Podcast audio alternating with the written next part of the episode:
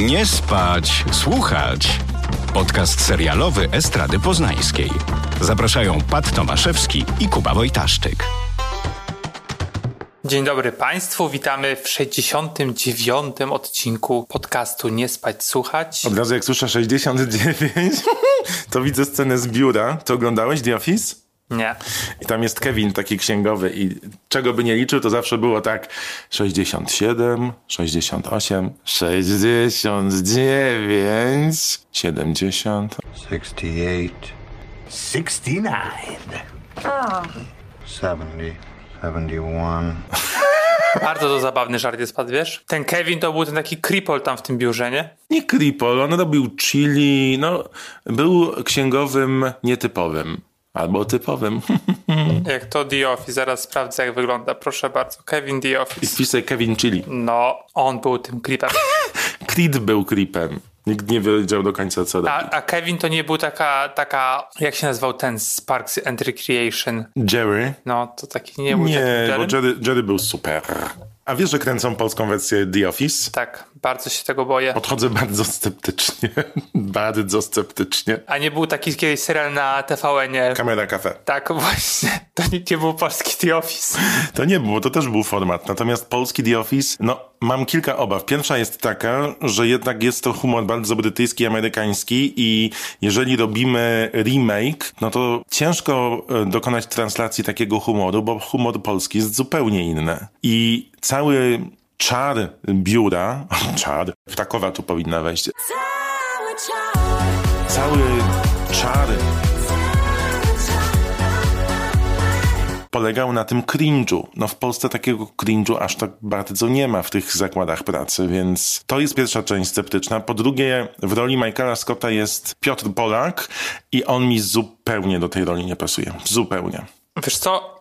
Mnie to mało interesuje, y, kto będzie grać. Na takiej zasadzie, że mm, to wszystko zależy od scenariusza i nie musimy wcale robić polskiego Steve'a Carella na przykład. No tylko, że wtedy nie nazywamy tego The Office, nie? Tylko robimy coś swojego. No tak, ale jak, jak pomyślisz o brytyjskim, gdzie był znienawidzony przeze mnie, teraz powiedz jego nazwisko imię, Ricky Gervais. i gdy Amerykanie to kupili, no to jakby Steve Carell i ten drugi kolos z Wielkiej Brytanii nie są do, do siebie w ogóle podobni.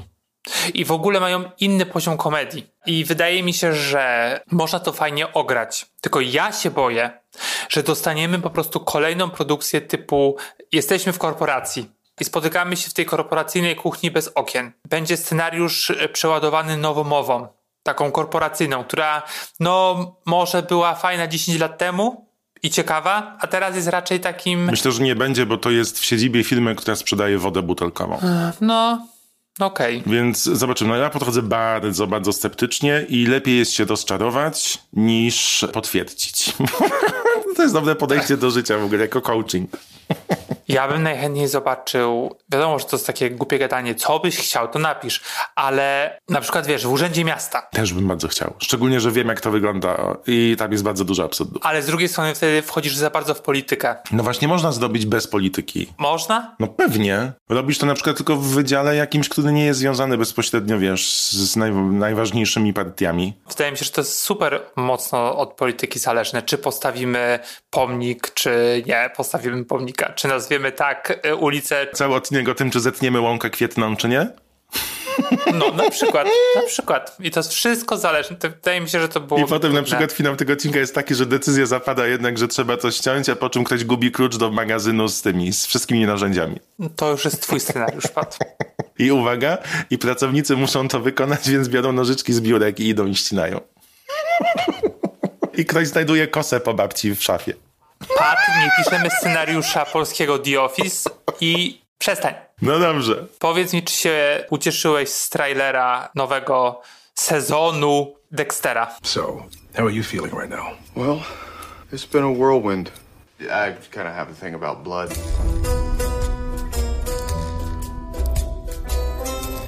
Bardzo się ucieszyłem. Dexter to był serial, z którym jestem bardzo związany, ponieważ to pierwszy serial, którym napisałem zawodowo i przedstawiłem go też polskiej publiczności, ponieważ pierwszy artykuł o Dexterze to był właśnie ten artykuł, który miałem okazję popełnić w chyba wrześniu 2006 roku, jak jeszcze pracowałem dla Wirtualnej Polski. Pamiętam, że dodałem wtedy taki tytuł Dexter zabija konkurencję i on się bardzo ładnie klikał. A to dlatego, że dostałem screenery, to też była pierwsza taka okazja, kiedy właśnie skontaktowałem się z ludźmi z oceanu i wysłali mi cały sezon Dextera i ja jeszcze jako student siedziałem po ciemku w nocy, oglądałem na moim bardzo wolnym internecie na czarno-białym monitorze ten serial. No i miałem ciary przy tym pierwszym sezonie, bo on był naprawdę świetny. I bardzo byłem związany z, z tą produkcją, bo czegoś takiego jeszcze nie widziałem. Seryjny morderca, który zabija innych e, morderców, dylemat moralny, a jednocześnie pracuje w policji. No poruszał wszystkie jakieś fajne struny, których wcześniej w telewizja nie odhaczała u mnie i bardzo mi się to podobało. No i potem oglądałem z przyjaciółmi tego Dextera i tak patrzyłem, jak od piątego sezonu on schodzi bardzo, bardzo nisko, a już ostatni sezon, tak jak z grą o tron,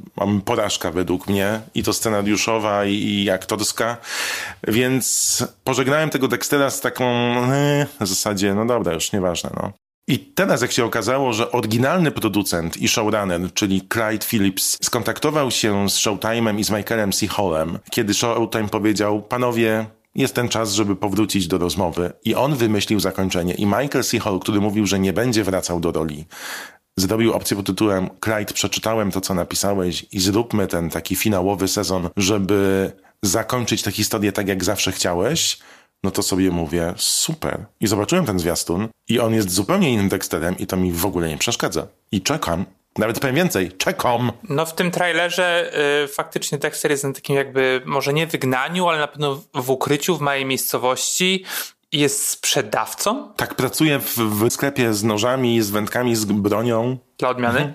No i oczywiście nikt nie wie, kim on jest. Ma jakąś tam swoją nową Jim tożsamość. Lindsay E, to jest taki ukłon w stronę fanów, bo Jeff Lindsay napisał książki Dextera. No i faktycznie, oczywiście przeszłość puka do jego drzwi. Puk, puk. Jakby cała pewnie narracja będzie ciągnięta przez to, czy ktoś się dowie, kim on jest, kiedy się dowie i tak dalej. To jest taki ograny hollywoodzki, czy generalnie filmowy sposób budowania narracji, nie? że mamy jakiegoś zbiega, e, ukrywa się gdzieś tam, czy się o nim dowiedzą, czy nie. Mnie to od razu na myśl przysz, e, przyszedł Vito, czy jeden z bohaterów e, Soprano. Nie pamiętam w którym sezonie, w przedostatnim może, e, przez kilka odcinków ukrywał się w e, małej miejscowości. Nie będę wchodzić tam już w szczegóły, no ale generalnie bardzo to podobnie wyglądało. Tylko Vito w pewnym momencie nie mógł sobie poradzić.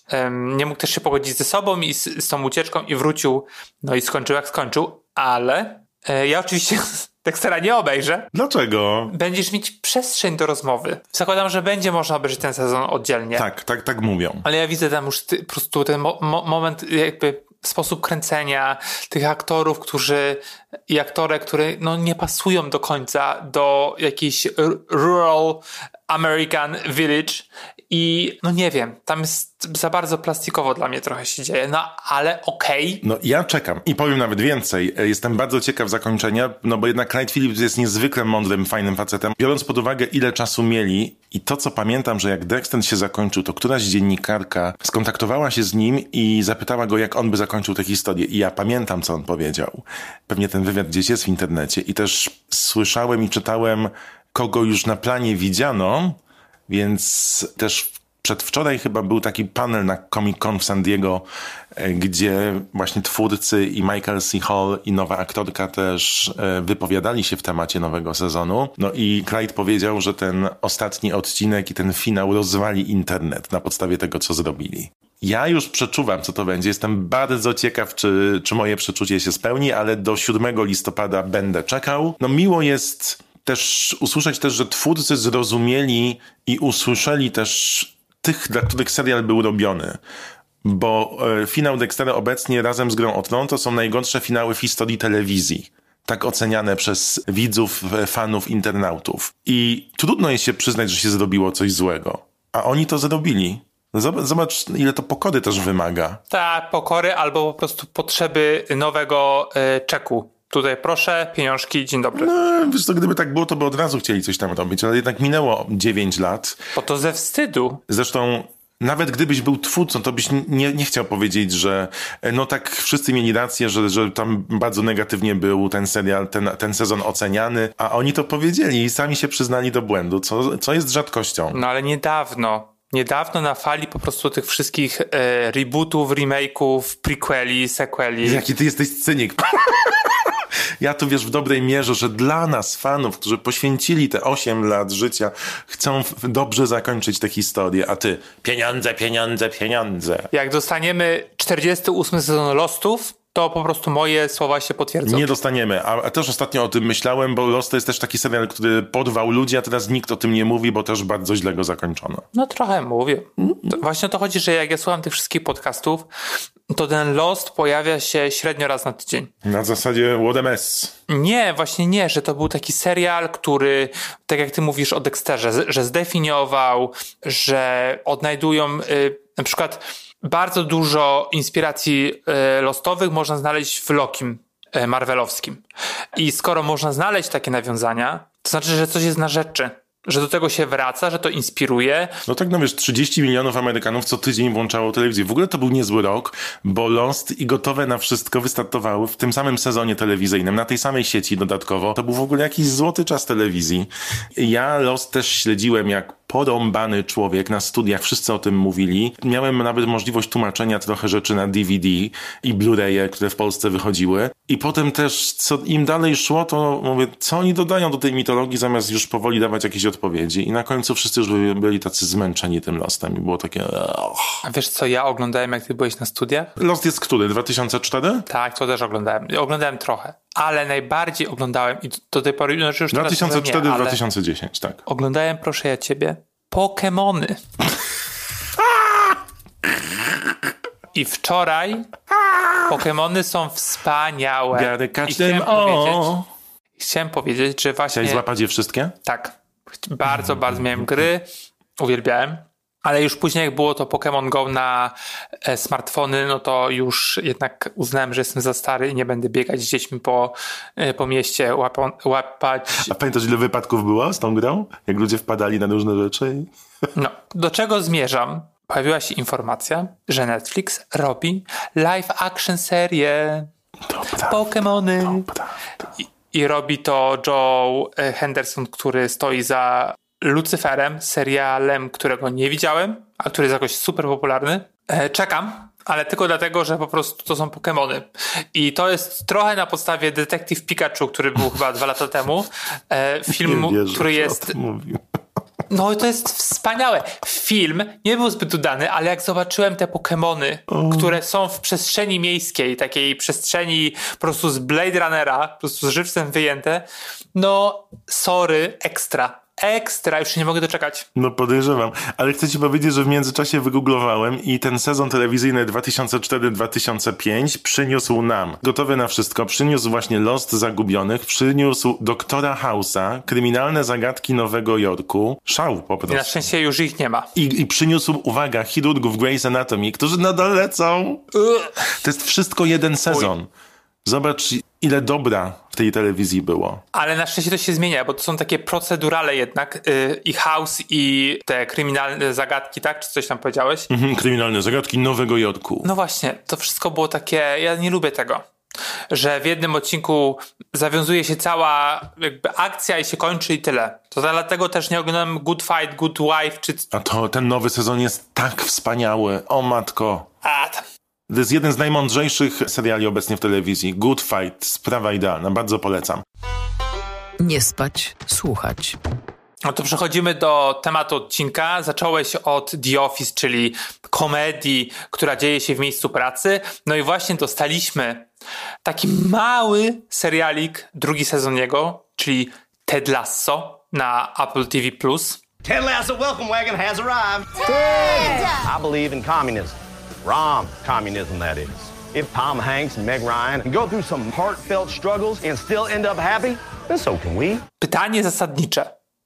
Czy jesteś fanem drugiego sezonu? Bardzo obawiałem się drugiego sezonu. W Stanach mówi się, że jest taka sophomore curse, czyli klątwa drugiego sezonu, gdzie po pierwszym bardzo dobrze przyjętym sezonie serialu twórcy muszą wykombinować drugi w dosyć krótkim czasie, no bo wiesz, pierwszy możesz pisać kilka lat, jest on emitowany, osiąga sukces i potem masz tylko na przykład trzy miesiące, żeby wymyślić tyle samo scenariuszy kolejnego sezonu. No i z reguły twórcy nie stają na wysokości zadania i ten drugi sezon ma tak zwany sophomore bump, gdzie no jakościowo jest to słabsze. No ale też czasami jest tak, że się odnajdują w tym drugim sezonie i jest on super. I w tym przypadku muszę powiedzieć, że no jestem uradowany, bardziej mi się podoba niż pierwszy sezon. I są odcinki, które nawiązują do różnych motywów popkulturalnych, jak komedie romantyczne, jak święta i one są według mnie wspaniałe. Po prostu ja zakochałem się w tym świecie jeszcze bardziej, ja nie wiedziałem, że tak można. No, ja miałem bardzo duże obawy, bo wiesz, że ja takich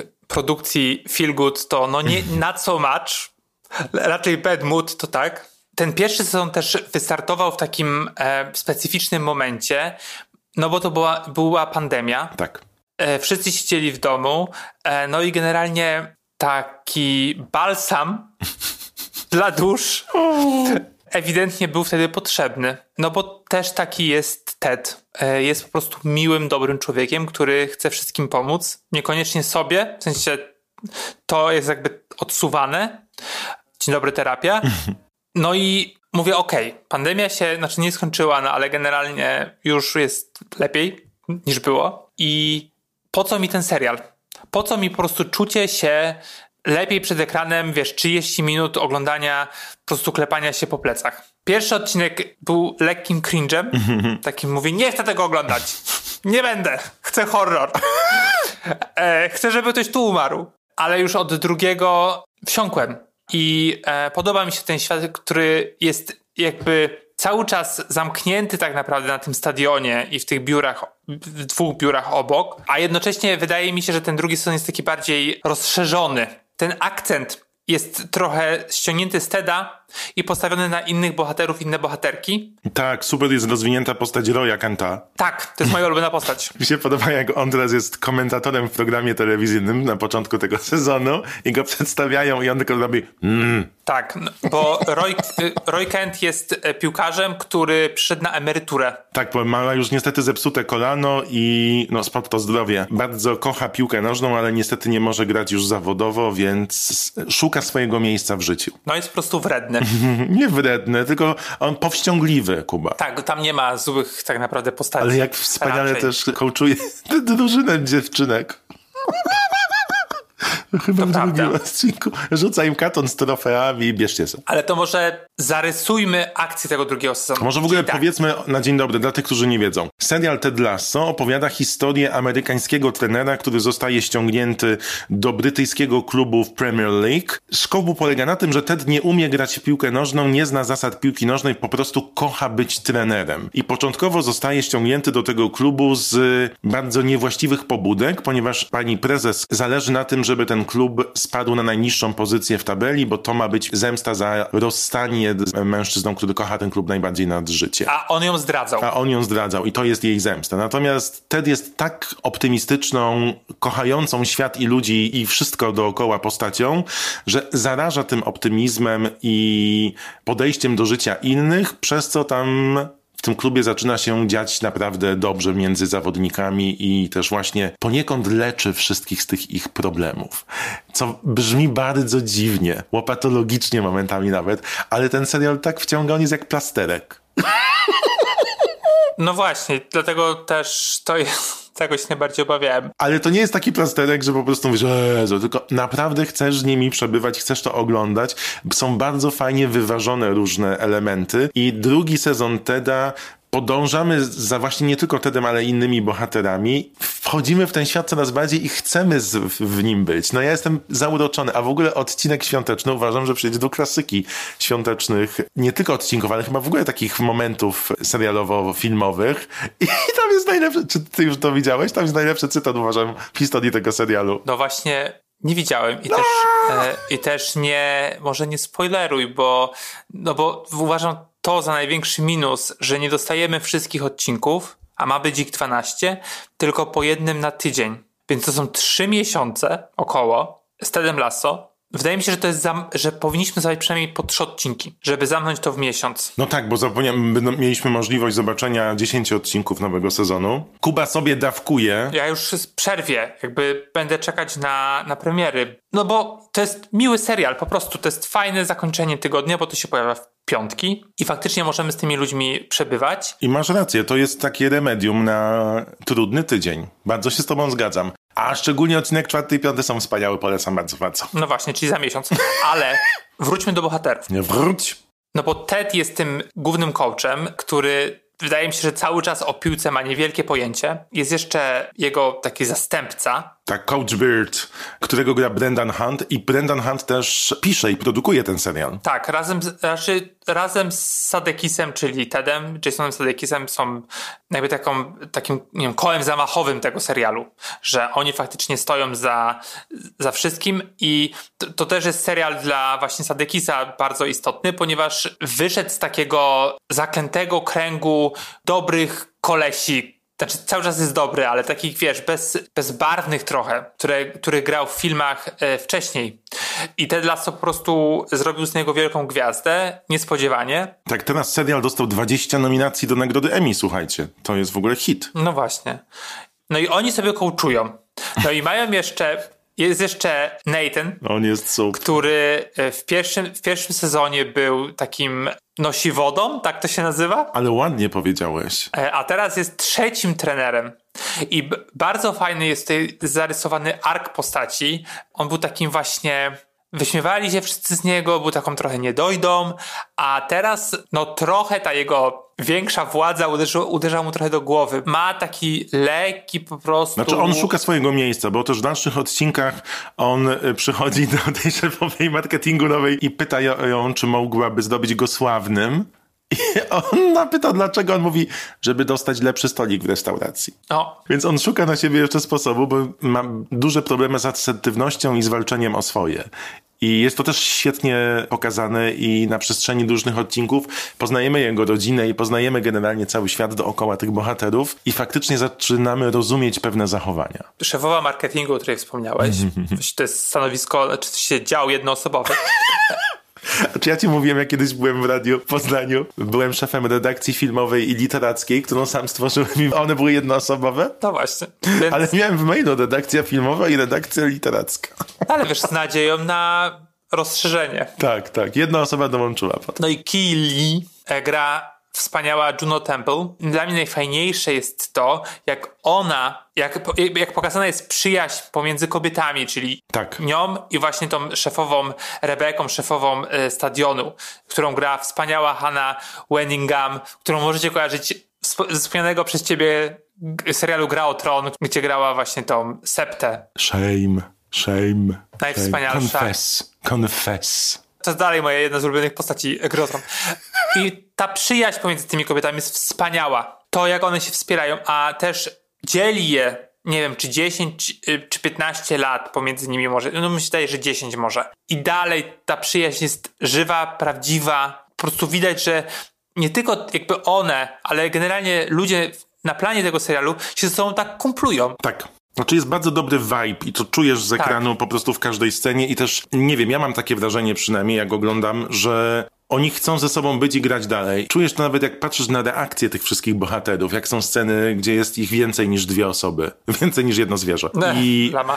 tak, owca. Więcej niż jedno zwierzę to.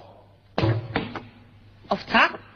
Jeszcze raz. Więcej niż jedno zwierzę to. Lama. Lama. I jest coś takiego, że czasami są takie produkcje, gdzie wszystko gra. Wszystkie elementy są, wiesz, idealnie złożone w danym miejscu i czasie. I mam wrażenie, że Ted Lasso jest jedną z takich produkcji. Zresztą poza tym Brendanem Huntem, o którym wspomniałeś, serial pisze bardzo e, związany z Saturday Night Live Joe Kelly, ale też e, jego showrunnerem jest Bill Lawrence, który no, zjadł zęby na mm, serialach komediowych z taką nutką życiowej prawdy, bo on zrobił Scraps, Chorzy Doktorzy i tutaj fun fact, jeden z odcinków Teda Lasso wyreżyserował Zach Braff, O. czyli Eagle! I powrót do Garden State. Bill Lawrence chyba wyprodukował wszystkie odcinki też Teda Lasso. No jest to dobra mieszanka po prostu, bo jesteśmy z Billem znajomymi na Instagramie i on pokazuje często różne elementy z planu i ten plan naprawdę wygląda na taki, na którym chce się przebywać. Jeszcze chciałem dodać, Nie zareagowałeś, że jesteśmy znajomymi w ogóle. bo to żadne dla mnie nie wiadomo co. Jeszcze, no bo mówiliśmy o, starej, o starym kaście. Po pierwsze, położono większy akcent na piłkarzy, a piłkarze w dużej mierze są niebiali. Czego się czepiałem w poprzednim sezonie, że to jakby jest super marginalne. Tak teraz e, gdzieś to zostało, ta niebiałość e, wyniesiona do góry. I pojawiają się też takie wątki, które są bardzo ciekawe społecznie, jak to, że linie lotnicze zanieczyszczają Nigerię. I to jest ciekawe, bo, bo, bo ta linia lotnicza chyba istnieje naprawdę, nie? Dubai Air. Ed Dubai, chyba wiesz co inaczej jest pisana. To jest ciekawe. że- No ale okej, no spoko. A nie, Ed Dubai to jest grupa muzyczna. Ale Przecież to zakładam, są Emirates, nie? To nie. ale możemy sobie też pewnie w jakiś sposób tam to no wyobrazić, że coś takiego pewnie istnieje gdzieś Tak. na świecie. No i też pojawia się, nie mogę znaleźć teraz nazwiska tej aktorki, ale jest znaną brytyjską aktorką i gra tutaj terapeutkę. Ona jest super. terapeutka nie jest, jest odporna na urok Teda. I to jest takie dziwne, że faktycznie tak można. Czego oczywiście nie spodziewaliśmy się. Ale bardzo mi się podoba to, że po prostu wymyślili twórcy, jak to wszystko sobą połączyć, tą całą machinę. Czyli to, że codziennie Tak. Ted wpada do biura swojej szefowej z ciastkami, czy tam z tym, co piecze. No to jest możliwość na, wiesz, na wymianę dwóch zdań. Na rozpoczęcie dnia. I to jest świetne. Albo to, że to jest taki powracający żart, że Higgins, czyli asystent Rebeki, nie ma teraz swojego biura, ponieważ oddał go em, tej terapeutce i teraz zmienia miejsca swojej pracy na, na coraz bardziej absurdalne. I zawsze gdzieś mu upada ten kubek z, z długopisami. To bardzo łatwo może się wiesz, stoczyć do jakiegoś takiego absurdu, takiego czegoś e, wyolbrzymionego, nieprawdziwego, ale tutaj wszystko gra. To jest bardzo taka dobrze naoliwiona maszyna, no i sprawia przyjemność przede wszystkim. Ta nowa postać grana przez Sarah Niles, Doc w skrócie, ona ma za zadanie pomóc drużynie przeskoczyć pewne problemy, na które napotyka już w pierwszym odcinku nowego sezonu, ale przy okazji też bardzo ciekawie obserwuje Teda. I za każdym razem, kiedy Ted do niej przychodzi i coś rzuca, ona mu proponuje, że z chęcią jest też do tego, żeby porozmawiać i e, właśnie Kili ma też taką super akcję, że jak przychodzi do niej jeden z graczy i ma problem, to ona bierze go za rzeczy i przyprowadza do tej pani doktor i mówi, tej pani płacą za to, żeby ciebie słuchała. Tak.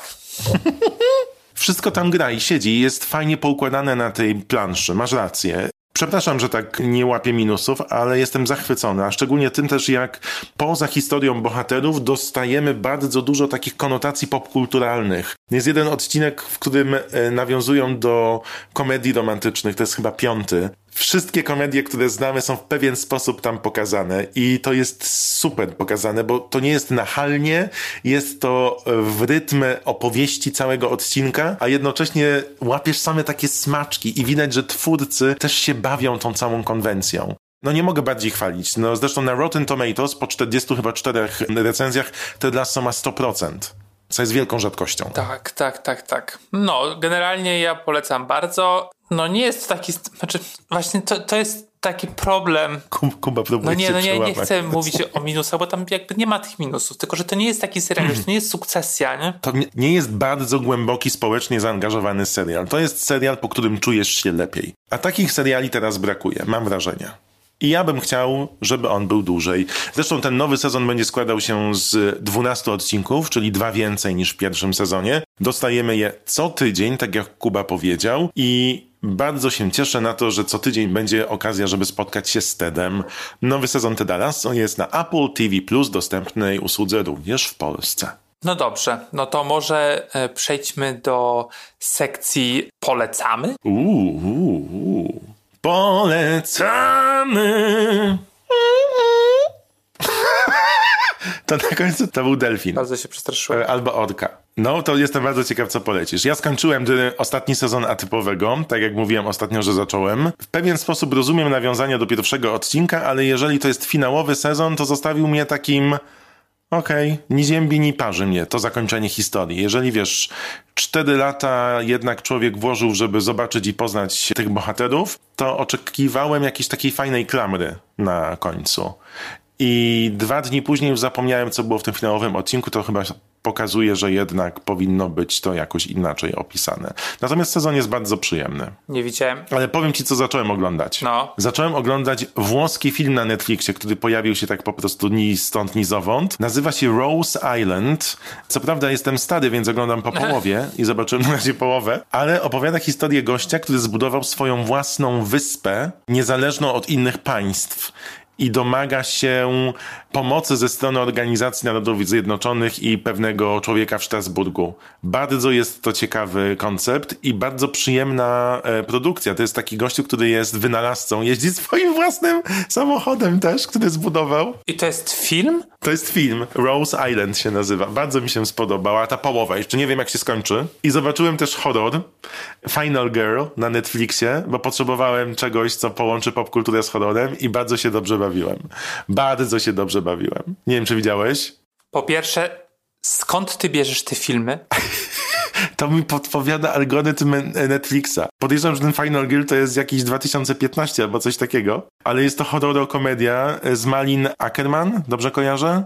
Tak, Malin Ackerman, którą bardzo lubiłem z tego serialu HBO The Comeback z Lisą Kudrow i mega mi się to spodobało. Znaczy bardzo było to głupie momentami, ale takie odmóżdżacze czasami są bardzo pomocne, słuchajcie, bardzo. Ja polecam, to jest film, ale zapowiadający cykl filmów na HBO i ta cała seria nosi nazwę Music Box. A pierwszą odsłoną jest Woodstock 99, e, za reżyserem którego stoi Gareth Price um, i opowiada o Woodstocku, e, jak sama nazwa wskazuje, czyli trzydniowego festiwalu muzycznego, który w Ameryce, który miał nawiązywać do imprezy z roku 69. I to wydarzenie zostało okrzyknięte Dniem Śmierci lat 90. I to jest bardzo interesujące. No bo lata 90., koniec lat 90. to są takie zespoły jak Metallica, jak The Offsprings. The Offspring, tam nie było. O, whatever, nie słuchałem. Limbiskit. Nie słuchałeś The Offspring, serio? To słuchałem trochę. I Korn. I jeszcze było Rage Against the Machine, czyli takie zespoły bardzo mocno rockowe, białe przede wszystkim i wyrażające taką niby frustrację milenialsów. Bardzo jest silny w tym filmie nacisk położony na tym, że przeciwko, ci, y, przeciwko czemu ci biali chłopcy, czyli nie jakby nie chodzi mi o zespoły, tylko osoby, które y, te zespołów słuchały, mm, się buntowały jakby też była tam gdzieś obawa przed pluskwą mileni, milenijną, no bardzo dużo wątków. No ale przy, e, przepraszam, powiedziałeś białe, Rage Against the Machine miało połowę składu nie białego przecież. No dobra, ale w dużej mierze to było sobie białe. No tak, zespoły tak, no do no, cały. Tak samo Metallica, Limbiskie to już w ogóle. E, no i generalnie... Blink 182? To, to później było. I chodzi o to, że ten Woodstock skończył się zamieszkami, Uuu. plądrowaniem tam wszystkiego dookoła, e, śmiercią, coś, co miało połączyć ludzi, bardziej ich podzieliło. Tak, to bardziej chodziło o to, że już MTV y, chyliło się też ku upadkowi, takim w sensie tak jak znaliśmy MTV lat 90. Mhm. Komercja coraz bardziej dochodziła do głosu i po prostu to była próba takiego um, desperacji, w, desperacji po prostu e, od e, tworzenia czegoś, co już tak naprawdę nie ma racji bytu, czyli Woodstocku. Ten film prawie tu niby jest napisane, że godzina, wydaje mi się, że on jest trochę dłuższy no ale może nie jest duży. Świetnie to, e, świetnie to pokazuje. I kolejną odsłoną tego Music Boxu ma być film o Alanis Morissette, na który czekam najbardziej na świecie. Uuu, Lubię Alanis Pants. Słyszałem ostatnio ją w jakimś podcaście i mówiła, jak wyglądały jej ostatnie 20 lat i jak uczy sama swoje dzieci, zastępując im wszystkie nauczycielki. Czy to nie był ten podcast Jessie Ware? Chyba tak. No to ona na mnie, ta, Tabletop. ta on na, na, mnie bardzo złe wrażenie zrobiła. Jakby... A nie, a na mnie takie pozytywne bardzo. Nie jakoś ja, wydaje mi się, że tak czasami jest, że że te osoby, dla mnie to, czasami te osoby nie mają nic do powiedzenia i po prostu jak słuchasz to, no nieważne. W każdym razie jest to do obejrzenia na HBO i bardzo polecam, bo też nie chciałbym, żeby to gdzieś tam, wiesz, zniknęło. Wczoraj chyba dostałem informację, że na Netflixie pojawią się wszystkie odcinki Downton Abbey 15 sierpnia i odliczam dni, bo to wtedy też mój urlop się zacznie i spędzę go na pewno z What is a Weekend? Ciekawe po co. Bo ja uwielbiam ten klimat tego 1912 roku, kiedy wszystko było niespieszne, spokojne. Bardzo lubię, kiedy seriale używają steadicamu, czyli podążamy za bohaterami dosłownie. Widzimy cały świat ich oczami. Bardzo mi się to podoba. No okej. Okay. Nie miałeś czegoś takiego, że tam wszystko było takie kompletne i muzyka, i obraz? Przecież oglądałeś, nie udawaj, że nie. No, uwielbiałem. No. No, ale już było, minęło. Bygons. To to był 69. odcinek podcastu Nie spać, słuchać. Nie pożegnasz się? A dzięki. Nara. Nara. Nie spać, słuchać. Producentem podcastu jest Estrada Poznańska. Wszystkie odcinki znajdziesz na estrada.poznan.pl.